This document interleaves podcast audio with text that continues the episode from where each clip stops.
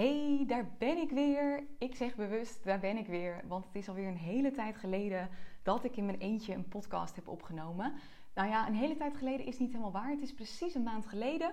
Maar daarvoor heb ik eigenlijk alleen maar gesprekken gedaan met, uh, met andere mensen. En uh, ik dacht, het wordt hoog tijd om weer eens in mijn eentje een podcast op te nemen over een onderwerp waar ik al heel lang vragen over krijg. En dat gaat namelijk over het kiezen van je ideale klant en hoe je die nou echt goed aanspreekt ook. Dus uh, um, ik ga daar deze podcast over opnemen.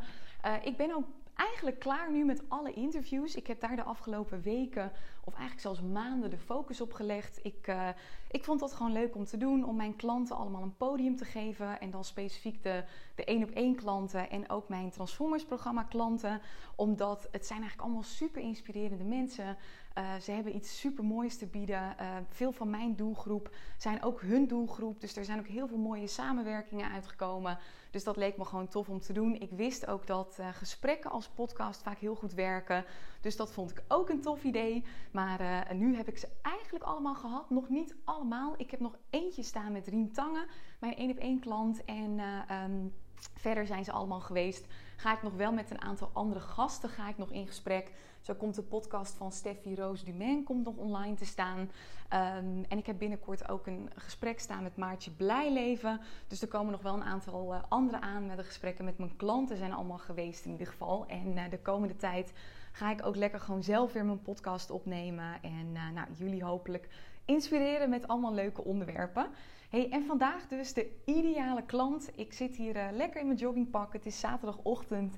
En normaal gesproken werk ik eigenlijk niet op zaterdag. Maar ik wilde de hele week al een podcast opnemen. En dat kwam er steeds niet van. Soms heb je gewoon van die dagen in een week dat je denkt: Oh, ik ga dit doen, ik ga dat doen. En dan komen er tienduizend andere dingen uh, op je pad. En dan uh, schuif je het steeds vooruit. En Tristan is vandaag de hele dag met de motor weg. Dus ik dacht: Nou, mooi moment om dat even te doen. En de inspiratie zit ook gewoon in me. ik weet ook vaak dat heel veel mensen juist mijn podcast in het weekend luisteren. Dus ik dacht: Nou, ik ga het gewoon lekker nu doen. Hey, en we gaan het hebben over de ideale klant. En dat is gewoon super belangrijk. Een van de allerbelangrijkste dingen. Als je bij mij ook mijn uh, programma volgt, of dat nou de Business Boost Academy is, de Online Business School of het Transformers programma. We beginnen altijd met, uh, nou de eerste stap is eigenlijk altijd jij als ondernemer. Dus we kijken altijd naar, weet je, wat is voor jou belangrijk? Wanneer ervaar jij nou vrijheid?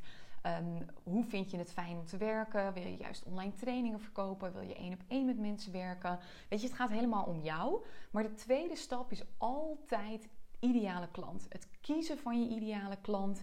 Um, maar ook helemaal het fine-tunen van de ideale klant. Helemaal weten wat er zich in de ideale klant afspeelt. En dat gaat heel diep. Veel mensen die stoppen eigenlijk al te snel. Weet je, die kiezen een ideale klant. Die denken: oké, mijn ideale klant zijn uh, moeders met kinderen tussen 2 en 4. Klaar, weet je wel. Maar het gaat veel dieper dan dat. Um, en dat is ook gewoon nodig. Daar kom ik straks even op terug. Maar dat komt omdat er gewoon enorm veel concurrentie is uh, bijgekomen in alle vakgebieden de afgelopen jaren. Ik zei deze week nog in de masterclass van mijn uh, Transformers Mastermind. Ik had even gekeken bij wat gegevens van de Kamer van Koophandel. En wat ik daar zag is dat er zo'n um, tien jaar geleden stonden er 1 miljoen bedrijven ingeschreven in Nederland. Inmiddels zijn dat er 2 miljoen. En dat betekent dat er gewoon veel meer ondernemers zijn, veel meer bedrijven. En dat betekent het ook nog door de digitalisering dat veel meer bedrijven gewoon in heel Nederland hun diensten kunnen leveren. Weet je wel, vroeger, toen er ook nog uh, veel minder gebeurde via het internet, als je dan bijvoorbeeld coach was, ja, dan zocht je een coach in jouw buurt, uh, want daar ging je heen. Nu kan het overal, want het kan via Zoom en het maakt allemaal niet uit. Dus er is enerzijds gewoon een enorme toenemende concurrentie, waardoor het heel belangrijk is dat jij echt een, ja, een niche kiest, een, een ideale klant die je goed aanspreekt, zodat je opvalt met je boodschap binnen al je, je concurrenten. Maar het is niet alleen de concurrenten waar je mee concurreert. Het is letterlijk content ook van andere bedrijven. Want kijk, je spreekt je ideale klant, tenminste bij mijn klanten is dat vaak, dat zijn de dienstverlenende zelfstandig ondernemers. Die spreken ze aan op Instagram of op LinkedIn of op Facebook.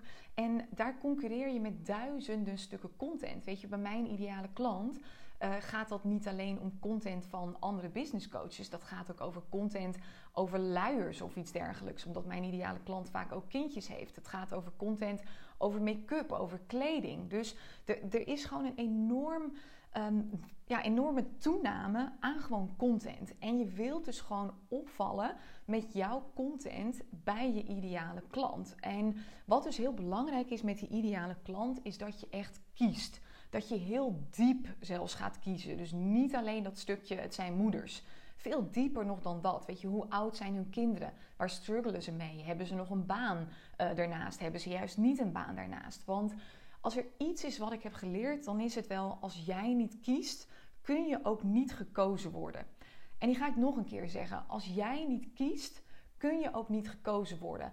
En dat is eigenlijk niet maar één keuze. Dat zijn veel meer keuzes. Je hebt op heel veel vlakken een keuze te maken. Dus wat is nou het probleem van je ideale klant? Waar komt die vandaan? Hoe oud is die? Uh, wat zijn de belemmerende overtuigingen? Het gaat veel dieper dan alleen maar één keuze uh, met betrekking tot leeftijd of, of geslacht of iets dergelijks. Dus Um, want weet je wat het is? Als jij gewoon niet diep genoeg kiest op meerdere lagen, dan spreek je gewoon een veel te grote doelgroep aan. En als je iedereen probeert aan te spreken, voelt gewoon niemand zich echt aangesproken. En daar zit, het, uh, zit de uitdaging. En ik weet dat dat eng is. Weet je, kiezen is zo eng. En ons brein is bijna altijd meer bezig met pijn vermijden dan, dan towards pleasure, zoals ze dat in het Engels dan altijd zeggen. Zij zeggen altijd: je hebt away from pain towards pleasure. En we zijn veel meer bezig met away from pain. En wat je hoofd je nu waarschijnlijk nog vertelt als je niet echt een keuze hebt gemaakt, zijn dingen als ja, maar ik kan nou eenmaal zoveel mensen helpen en ik wil ook iedereen helpen. Uh, dus daarom maak je niet een keuze met een specifiekere ideale klant. Uh, of een ander verhaal wat je jezelf vaak vertelt is, maar is mijn doelgroep dan niet te klein? Weet je, zitten binnen die doelgroep wel genoeg klanten? Kan ik dan wel rondkomen als ik me alleen maar focus op bijvoorbeeld uh, coaches binnen de ondernemerswereld? Zijn daar wel voldoende van? Maar het is echt hoe meer je kiest, hoe sneller je groeit en hoe sneller je juist ook die grote groep mensen weer kunt helpen. Ik ben ooit begonnen als business coach. Uh, in het begin was dat best wel heel breed. En dat is ook een punt wat ik je mee wil geven. Meestal als je start als ondernemer begin je toch best wel breed met je, met je doelgroep. En dat komt gewoon omdat je, ja, je hebt vaak geen idee wie je doelgroep is. Je hebt nog vaak geen idee wat je eigenlijk, uh, wat je bedrijf nou precies wordt. Dus er zijn gewoon nog heel veel vragen.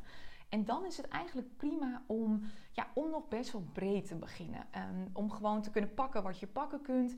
Dan is het vaak ook nog zo dat je uh, eerst wat klanten uit je netwerk haalt. Dus die kiezen dan sowieso al wat makkelijker voor jou. Omdat ze jou al vertrouwen, omdat ze jou kennen. Of je biedt het super goedkoop aan. Ik heb in het begin een aantal mensen gratis geholpen. Dus ik sprak ze eigenlijk niet echt aan omdat ze nou helemaal mijn ideale klant waren en ze zich daardoor getriggerd voelden. Maar meer door het idee van, oh nou, Tineke heeft marketingkennis. Als die het gratis aanbiedt, why not? Weet je wel zo. Um, uh, en ik deed pilot uh, trajecten. Dus in het begin, dat is eigenlijk nog maar drie jaar geleden. Ik dacht daar toevallig deze week nog aan. Toen vroeg ik echt nog maar 25 euro per uur. Dus een beetje een detour. Maar laat dat ook een, uh, ja, een besef voor je zijn dat het zo snel kan veranderen. Want ik heb nu voor dit jaar heb ik de 500k al aangetikt qua omzet. En drie jaar geleden nog maar zat ik op 25 euro per uur. Dus weet je, als je nu nog gewoon in een lage omzet zit, weet dat het allemaal super snel kan veranderen. Um, maar goed, even terug naar mijn verhaal, want dit is weer een dikke detour. In het begin mag je dus nog wel een beetje uh, ja, pakken wat je pakken kan, zeg ik altijd. En dan kom je er gaandeweg wel achter wie je nou leuk vindt, wie je niet leuk vindt, wie je echt goed kunt helpen ook. Want dat is ook belangrijk bij een ideale klant. Je kunt misschien iedereen wel helpen, maar er is altijd een specifieke groep mensen bij wie jij gewoon merkt dat jouw kennis gewoon veel beter nog uh, zich manifesteert als het ware. Ik heb in het begin bijvoorbeeld ook wel een aantal MKB-bedrijven geholpen. Ik weet nog dat ik op een gegeven moment een recruitment agency had. En weet je, ik, ik had dezelfde kennis grotendeels als dat ik nu heb. Natuurlijk is er nu meer kennis bijgekomen. Maar op de een of andere manier pakte dat bij dat bedrijf ook gewoon niet helemaal lekker uit. En ik merkte gewoon hoe meer coaches ik destijds ging helpen, hoe beter die kennis werkte die ik had. Dus dat is ook altijd nog een belangrijk uh, ding. Dus hoe beter je die ideale klant kiest, hoe meer je ook merkt dat ja, dat jouw jouw kennis, um, uh, dat de resultaten die je oplevert, dat die gewoon het beste uitpakken bij dat soort uh, mensen. Maar wat er dus gebeurt, je begint eigenlijk vrij breed om gewoon te ontdekken, ja, wie ben ik als ondernemer, wie kan ik nou echt helpen, uh, waar uit mijn kennis zich het beste in de beste resultaten, wie vind ik het leukst. Dan wordt het vaak specifieker om ook echt door te kunnen groeien naar 1000, 2000, 3000, 5000 euro omzet per maand. En op dat punt heb je vaak wel een bepaalde marktwaarde bereikt. Dat, dat er al een grote ja, following is van mensen die jou vertrouwen. Je hebt allemaal referenties. Dat je vaak ook wel andere mensen gaat aantrekken. Dus in die fase zit ik nu. Dat noem ik altijd fase 3 van het ondernemerschap. En ik merk nu dat ik me niet meer alleen hoef te focussen op coaches. Dus ik, heb nu de marktwaarde als het ware. De, de eigenwaarde is ook altijd belangrijk. Dus het zelfvertrouwen Ehm, de kennis heb ik om ook bij andere ondernemers gewoon supergoeie resultaten te behalen en om ze ook echt aan te kunnen trekken. Wat ik wel altijd zeg, met dat jij een ideale klant kiest, betekent het niet dat je nooit meer iemand anders mag helpen.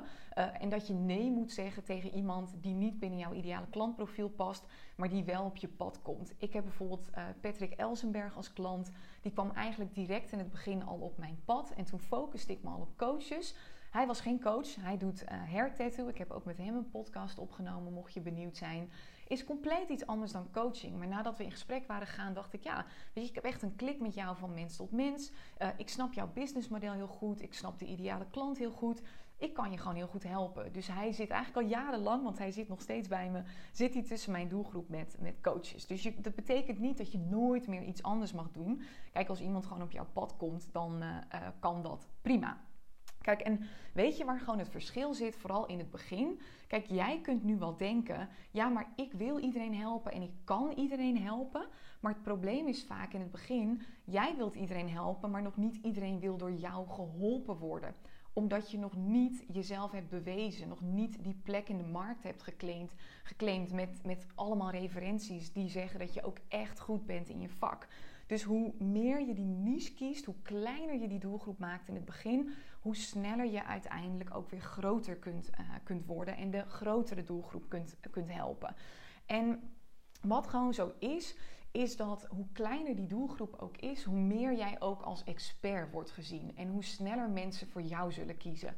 Kijk, toen ik startte als business coach, dan had ik hele duidelijke niche op meerdere gebieden. Dus mijn ideale klant uh, was, waren de coaches. Um, mijn aanbod was eigenlijk vooral gefocust op sales funnels. Want ik dacht, ja, er zijn duizenden business coaches. Hoe ga ik me nu onderscheiden? Nou, ik wist dat, dat ik zelf gewoon sales funnels heel tof vond. Dat ik daar ook echt goed in was en, en ben. Um, maar dat deed eigenlijk ook niemand. Dus ik ben me op die manier gaan specificeren. Dus ik merkte gewoon dat alle coaches die kozen veel sneller voor mij um, dan een business coach die gewoon hielp met sales funnels. Want die dachten, ja, maar zij focussen zich ook specifiek op coaches. Dus weet je, zij zal, zij zal wel meer kennis hebben. En dat is hetzelfde met allemaal andere producten. Dus het voorbeeld wat ik dan vaak noem, als jij pijn hebt in je rechterschouder en je gaat bijvoorbeeld naar de apotheek en je ziet daar twee crèmes staan, Eentje voor 5 euro die gewoon je afhelpt van eh, van crempjes, van pijntjes in je lichaam. En één crempje die je afhelpt van specifiek pijn in je rechterschouder. En de eerste crème is 5 euro. De crème voor, de, specifiek in je rechterschouder is 10 euro. Wat doe je dan? Dan betaal je vaak veel liever iets meer, omdat je meer vertrouwen hebt in dat tweede crème, omdat hij ook specifiek zegt: ik help jou af van pijn in je rechterschouder.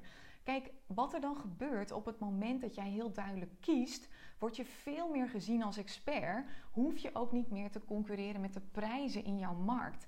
Omdat mensen dan veel meer vertrouwen hebben in jou en ook bereid zijn om daar meer voor te betalen. Dus de reden dat ik al binnen een aantal maanden, en dan moet ik even opzoeken hoe snel dat was, volgens mij was dat binnen vier maanden, zat ik al op 10k omzet, is omdat ik gewoon hele duidelijke, enge, want dat zijn ze, enge keuzes had gemaakt, waardoor ik veel sneller als die expert werd, uh, werd gezien. Dus Dat is een hele uh, belangrijke. Nou, een tweede stuk, of een tweede stuk, uh, ik weet niet of ik het eerste stuk niet heb gehad, maar een ander belangrijk punt is een ideale klant gaat dus vaak veel dieper dan mensen denken. Ik zei dat net al. Het is dus niet alleen mijn ideale klant uh, zijn moeders met kinderen tussen de twee jaar en vijf jaar oud. Maar je wilt zo iemand, en ik, ik, ga even haar zeggen voor het gemak, want ik weet gewoon dat de meeste van mijn klanten vrouwen helpen. Je wilt haar door en door kennen. Dus echt, wat denkt zij nou? Wat, wat, waar gaat ze mee naar bed? Waar wordt ze s'nachts wakker van? Wat voelt ze? Waar is ze bang voor? Wat zijn nou haar belemmerende overtuigingen? In welke prijscategorie valt ze? Koopt ze low-end of koopt ze high-end? Want dat zie ik ook heel vaak bij, bij klanten binnen een bepaalde doelgroep. Dus laten we gewoon even opnieuw de, de moeders met kinderen tussen 2 en 5 jaar oud pakken. Heb je ook weer verschillende doelgroepen. Je hebt de moeders die het financieel gezien niet heel breed hebben of die met een bepaalde money mindset komen, waardoor ze niet veel willen investeren in zichzelf. Dat zijn echt twee verschillende dingen, want ik ken moeders met heel veel geld, maar dat zijn nog steeds koopjesjagers ook. Misschien herken je dat ook wel bij mezelf, uh, bij jezelf ik herken dat in ieder geval wel soms bij mezelf. Dat ik heb de financiële middelen, maar in bepaalde gebieden ben ik soms nog steeds op zoek naar het goedkoopste. Nou, dat valt ook weer binnen een bepaalde doelgroep. Je hebt ook de moeders die veel meer mid-end kopen. Die hebben vaak weer een overtuiging van ja, nou weet je, dan, koop ik niet het goedkoopste, maar, maar mid-end is vaak net zo goed als high-end. Dat, dat is niet natuurlijk altijd zo, maar dat is vaak een overtuiging. Of ze kopen high-end. Dat is bijvoorbeeld wat ik doe met betrekking tot coaching trajecten. Op de een of andere manier val ik daar gewoon in een categorie van high-end. Ik gewoon altijd de duurdere trajecten. Dus daar, nou, naar dat soort dingen wil je ook gaan kijken. In welke categorie valt die klant? En de vraag is ook, kun je dat dragen? Want ik ken heel veel ondernemers die zeggen, ja nou chill, ik wil gewoon die doelgroep die heel veel geld uitgeeft en uh, dat ik hoge prijzen kan vragen. Maar dat kan niet altijd zomaar. Weet je, je moet wel dan een bepaalde mate van ervaring hebben. Uh, weet je, met nul referenties gaat het jou niet lukken om, om meteen high-end jezelf in de markt te plaatsen. Dus, dus daar heb je ook wel gewoon een soort, ja, wat Tibor altijd heel mooi zegt, een correct zelfbeeld en een correct wereldbeeld voor nodig. Maar weet je, dat is wel een belangrijke. Oh, de vaatwasser die stopt. Die gaat altijd heel erg piepen. Ik ga hem heel even snel uitzetten. Zaterdag is altijd voor mij zo'n uh, zo'n opruimdag, zo'n schoonmaakdag. Wij hebben ook geen schoonmaakster, daar verbazen heel veel mensen zich altijd over. Maar ik, ik vind altijd schoonmaken, opruimen zo meditatief dat ik het altijd nog lekker uh, zelf doe. Dus dat had ik vanochtend al even gedaan. Maar terug naar dit punt. Kijk, koopt ze dus low-end of high-end? Weet je, wat zijn er hobby's? Heeft ze bepaalde huisdieren? Mijn ideale klant, en ik heb daarvoor een persona gemaakt en die heet dan Tamara. Dat is sowieso heel slim om te doen. Om echt even één persoon helemaal te omschrijven. En dan de vragen te beantwoorden die ik nou net heb genoemd. Dus wat voelt ze, wat denkt ze, waar heeft ze last van? En mijn persona heet dus Tamara. En dat gaat zo diep dat ze zelfs een kat heeft. En dat betekent niet dat ik nooit iemand wil aannemen met een hond. Maar ik heb zelf ook een kat. En uh, ik, ik vind dat leuk, weet je. Ik deel dat ook op Instagram. En ik merk daardoor letterlijk dat ik ook gewoon heel veel mensen met een kat aantrek. Weet je, dat zijn soms de meest debiele dingen. Maar in een wereld waarin zoveel concurrentie is, waarin zoveel content is, zoveel prikkels, gaan mensen letterlijk kijken naar dat soort mini-mini kleine dingen om hun keuze door te laten bevestigen. Ik heb laatst bijvoorbeeld ook een klant gehad en die zei: Ik zat te twijfelen tussen drie business coaches. En ze zei: Weet je wat grappig was? Ik had in jullie alle drie vertrouwen. Uh, ik had in mezelf vertrouwen. Dat is ook altijd een ding. Want heel veel klanten die durven niet in te stappen. Omdat ze jou dan wel vertrouwen, maar zichzelf niet. Van kan ik het wel waarmaken en ben ik wel goed genoeg? Uh, maar zij zei tegen mij: Jij deelde toen op een gegeven moment dat jij vroeger op zwemmen hebt gezeten. Ik heb vroeger ook op zwemmen gezeten. En toen dacht ik, oké, nou, dit is mijn teken. Wij connecten ook op dit vlak. Uh, en toen is ze dus bij mij ingestapt. Kijk, het lijkt vaak zo erg wat jij doet op wat je, je concurrent ook doet. Dat dat soort dingen op een gegeven moment belangrijk worden. Dat mensen onbewust, en, want dat beseffen ze vaak niet op bewustzijnsniveau, hè, maar onbewust gaan ze zoeken naar bevestigende dingen om zeg maar uh, de zekerheid te voelen dat ze inderdaad voor jou moeten kiezen. En gisteren sprak ik ook nog iemand en die zat in een soort training over sales funnels. En die zei, ja, er was één iemand en die mocht dan tijdens een soort trainingsdag, mocht hij uh, een van de vier mensen uitkiezen om haar te helpen met, met een sales funnel. Zij was dan een soort proefklant. En toen koos ze degene die vroeger ook lerares was geweest, omdat ze zelf lerares was op dit moment. Dus mensen zoeken ook dat soort verbindende uh, dingen. Nou, wat ook nog belangrijk is om te beseffen, is niet alleen wat zijn haar belemmerende overtuigingen uh, met betrekking tot, ja, tot een bepaalde. Um, tot een bepaald ding. Dus, dus ik heb bijvoorbeeld mijn ideale klant, die heeft heel veel belemmerende overtuigingen met betrekking tot, tot geld. Uh, je moet hard werken voor, geld, voor veel geld. Um, rijke mensen zijn, zijn slechte mensen, dus ze houden zichzelf onbewust tegen om ook te groeien qua omzet.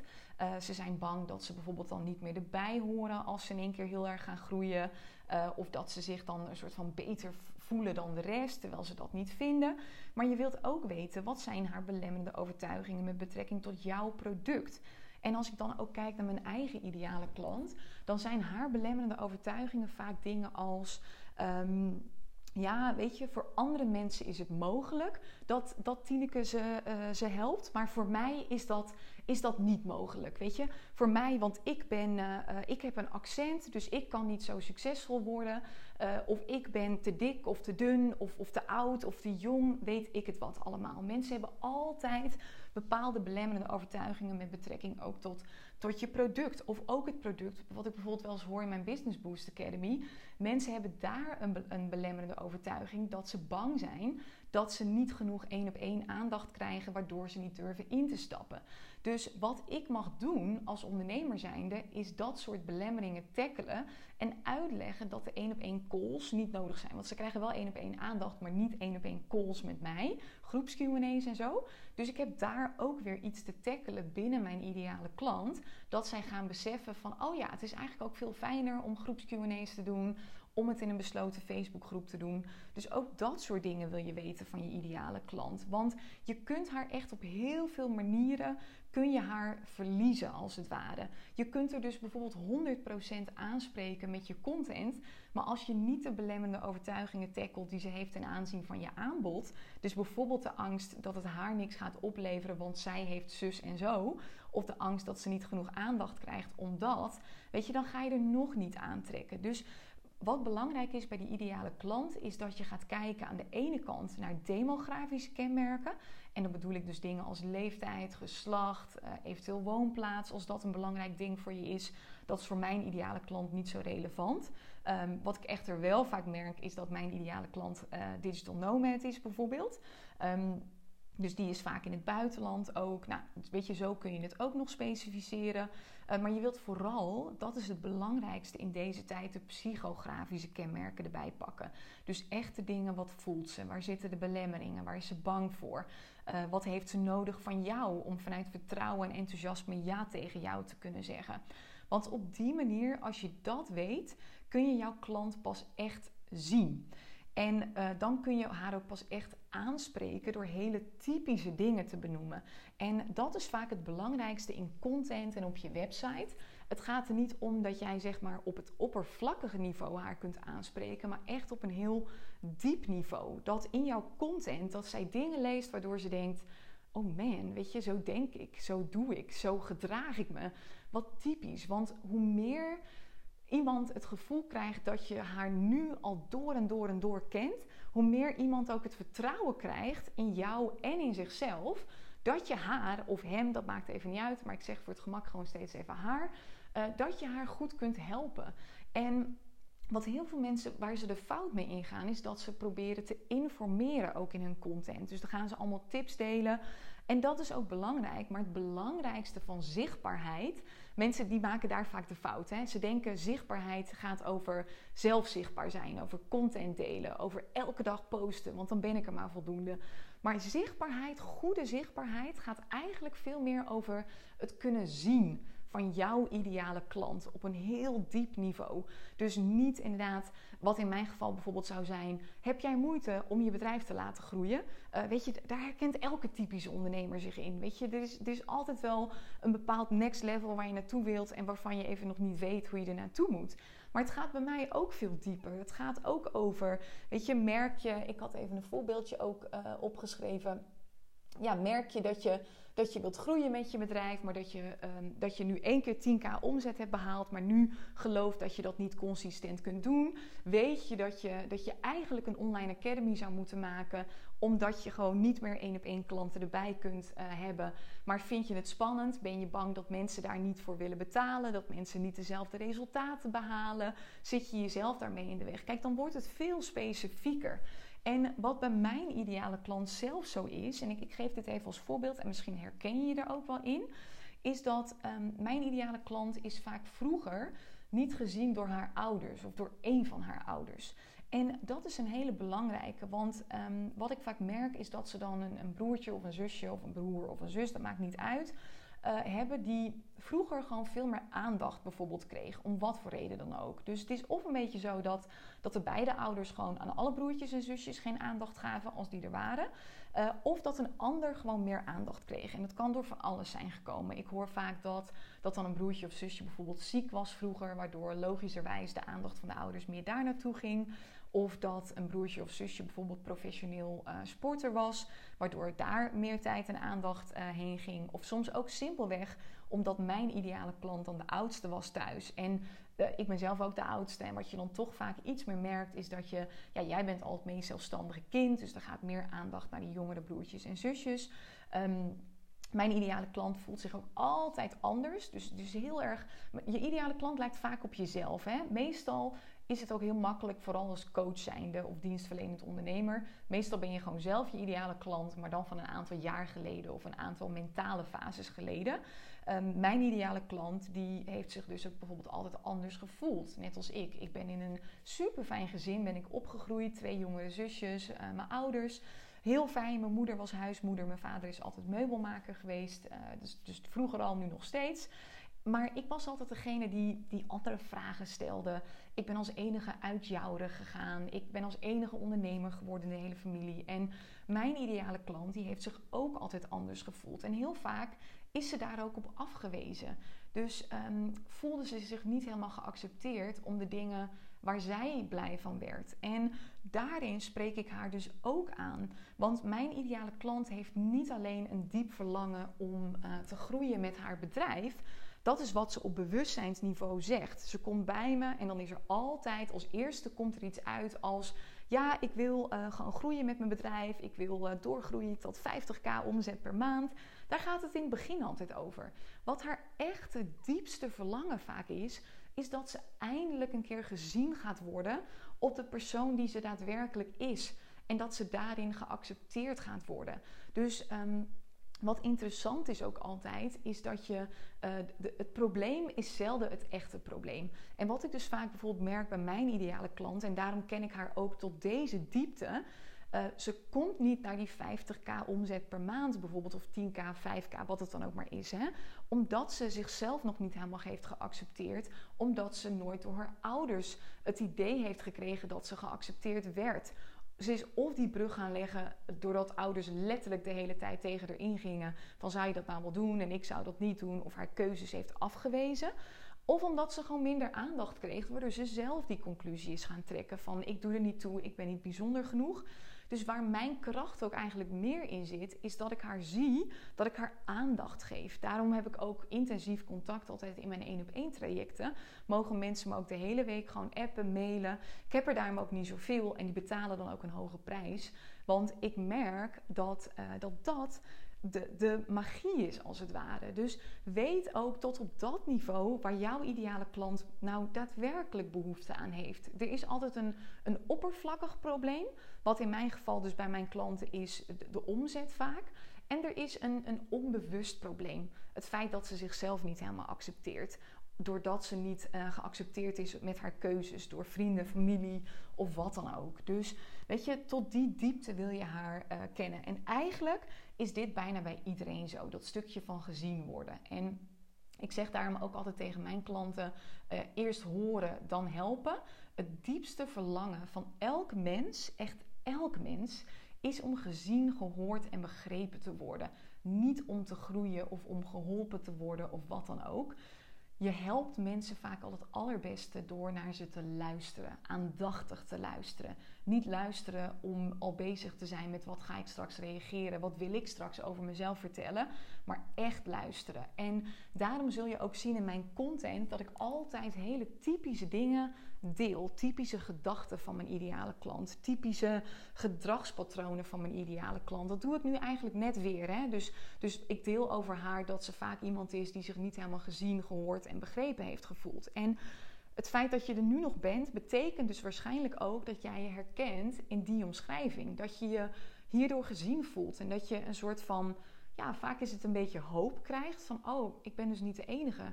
En wat, wat fijn, weet je, want je zoekt altijd een beetje gelijkgestemde.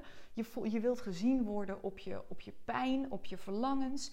En daarom is het ook zo belangrijk om ehm, content te creëren, wat niet per se gaat over tip 1. Zorg dat je je dag begint met meditatie, want dan voel je je rustiger. Maar gewoon door haar situatie te omschrijven, haar pijn, haar verlangen. Ehm, haar ook af en toe te laten weten van hé, hey, maar dat geeft helemaal niks, weet je, dat dat kan gebeuren. Ehm, je kunt er ook weer uitkomen. Je kunt van, van diepe zelfhaat bijvoorbeeld naar zelfliefde gaan je wilt er een soort van hoop geven. Dus het, het gaat vaak niet over dat informeren, tips geven. Dat mag en dat is een hele mooie afwisseling ook. Maar het gaat veel vaker nog over iemand echt zien. Dus onthoud die voor jezelf. Eerst horen, dan helpen. En echt goede zichtbaarheid gaat niet over dat je er altijd bent, dat je continu zichtbaar bent. Dat gaat veel meer over dat je jouw doelgroep echt kunt zien. Want als je ook kijkt naar mij, ik ben ehm, best wel veel zichtbaar nu. Maar ik heb qua post, heb ik de afgelopen, het afgelopen jaar heb ik nog maar 13 posts geplaatst. Ik ben ook heel vaak een dag niet op stories. Maar als ik er ben, dan zie ik echt mijn ideale klant. Dan voelt ze zich gezien, gehoord en begrepen. En de ene keer zie ik haar op een, een bepaalde pijn die ze heeft. De andere keer zie ik haar op een bepaalde belemmering die ze heeft. Dan zie ik haar weer op iets anders. Weet je, dat mag je afwisselen. Want er zijn altijd meerdere um, uh, dingetjes waarop je iemand kunt zien. Er zijn alleen vaak wel een soort top drie. Dus de drie belangrijkste die je, uh, die je wilt pakken. En die zitten vaak ook op bewustzijnsniveau. Dus bij mij zit toch wel op het bewustzijnsniveau die omzet. Dus, dus daar begin ik ook altijd mee. En op bewustzijnsniveau zit die hoe. Van ja, ik weet wel heel goed wat ik wil, maar hoe kom ik daar nou? Maar daaronder zitten ook nog heel veel lagen. En die mag je dan op een gegeven moment ook delen. Uh, en het is vaak ook een beetje een kwestie van bij de ideale klant: sell them what they want, give them what they need. Dat is hetzelfde als bij mijn ideale klant. Die wil dus die omzet en wat ze nodig hebben. Maar, maar dat promote ik dus niet zo erg, want dat snappen ze zelf vaak nog niet. Uh, is dat iemand ze accepteert, dat iemand in ze gelooft. Omdat nog nooit iemand misschien 100% in ze heeft geloofd. En ze altijd een soort van heeft teruggetrokken van zou je dat nou wel doen en kun je dat nou wel, weet je wel. En dat als ik er ben uh, en ik geloof in ze, ik spreek mijn vertrouwen uit als een expert zijnde in een stuk omzet, dan komt dat geloof in zichzelf ook. Dus dat is vaak ook bij jou. Hè? De ideale klant die heeft op bewustzijnsniveau een, een, probleem. Uh, jij verkoopt dat je daarmee gaat helpen. Maar vaak wat je dan geeft, dat, dat verkoop je niet in je communicatie, maar daarvan weet je dat is wel wat ze nodig heeft. Dus hetzelfde als uh, voorbeeldje wat vaak heel makkelijk is. Stel, je helpt mensen met afvallen dan is vaak uh, wat mensen op bewustzijnsniveau zeggen: ja, ik wil gewoon afvallen. Mensen denken vaak dat ze dan uh, een, een dieetplan nodig hebben en een bepaald voedingsschema en een bepaald sportschema. Wat ze meestal echt nodig hebben, is een stukje zelfliefde. Dat ze zichzelf niet meer gaan veroordelen. Dat ze niet meer gaan emotie eten. En dat ze dus gaan kijken naar, uh, naar trauma's die eronder liggen. Want waarom eten we vaak te veel? Omdat we onze emoties aan het onderdrukken zijn. Dus dat is ook weer zo'n typische kwestie van sell them what they want. Afvallen, uh, give them what they need. En dat is een stukje zelfliefde, trauma oplossen. Maar goed, dat klinkt niet zo, uh, dat resoneert vaak niet zo in het, in het begin. Nou, waar ik wil af, mee wil afsluiten is nog een vraag die ik heel vaak krijg. En dat is de vraag: kun je nou meerdere ideale klanten hebben? Ja, dat Maar in het begin is het vaak niet slim. Dus stel jij zit nu. Um, nou ja, wat is een beetje de scheidslijn? Nou, laten we gewoon zeggen onder de 2000 euro per maand. Je kunt nog niet rondkomen van je bedrijf in ieder geval. Uh, en belangrijker nog winst eigenlijk. Gewoon, het, je kunt niet rondkomen van je business. Je kunt niet je rekeningen ervan betalen is het vaak niet slim, tenzij je dus echt net bent begonnen en gewoon nog helemaal aan het zoeken bent.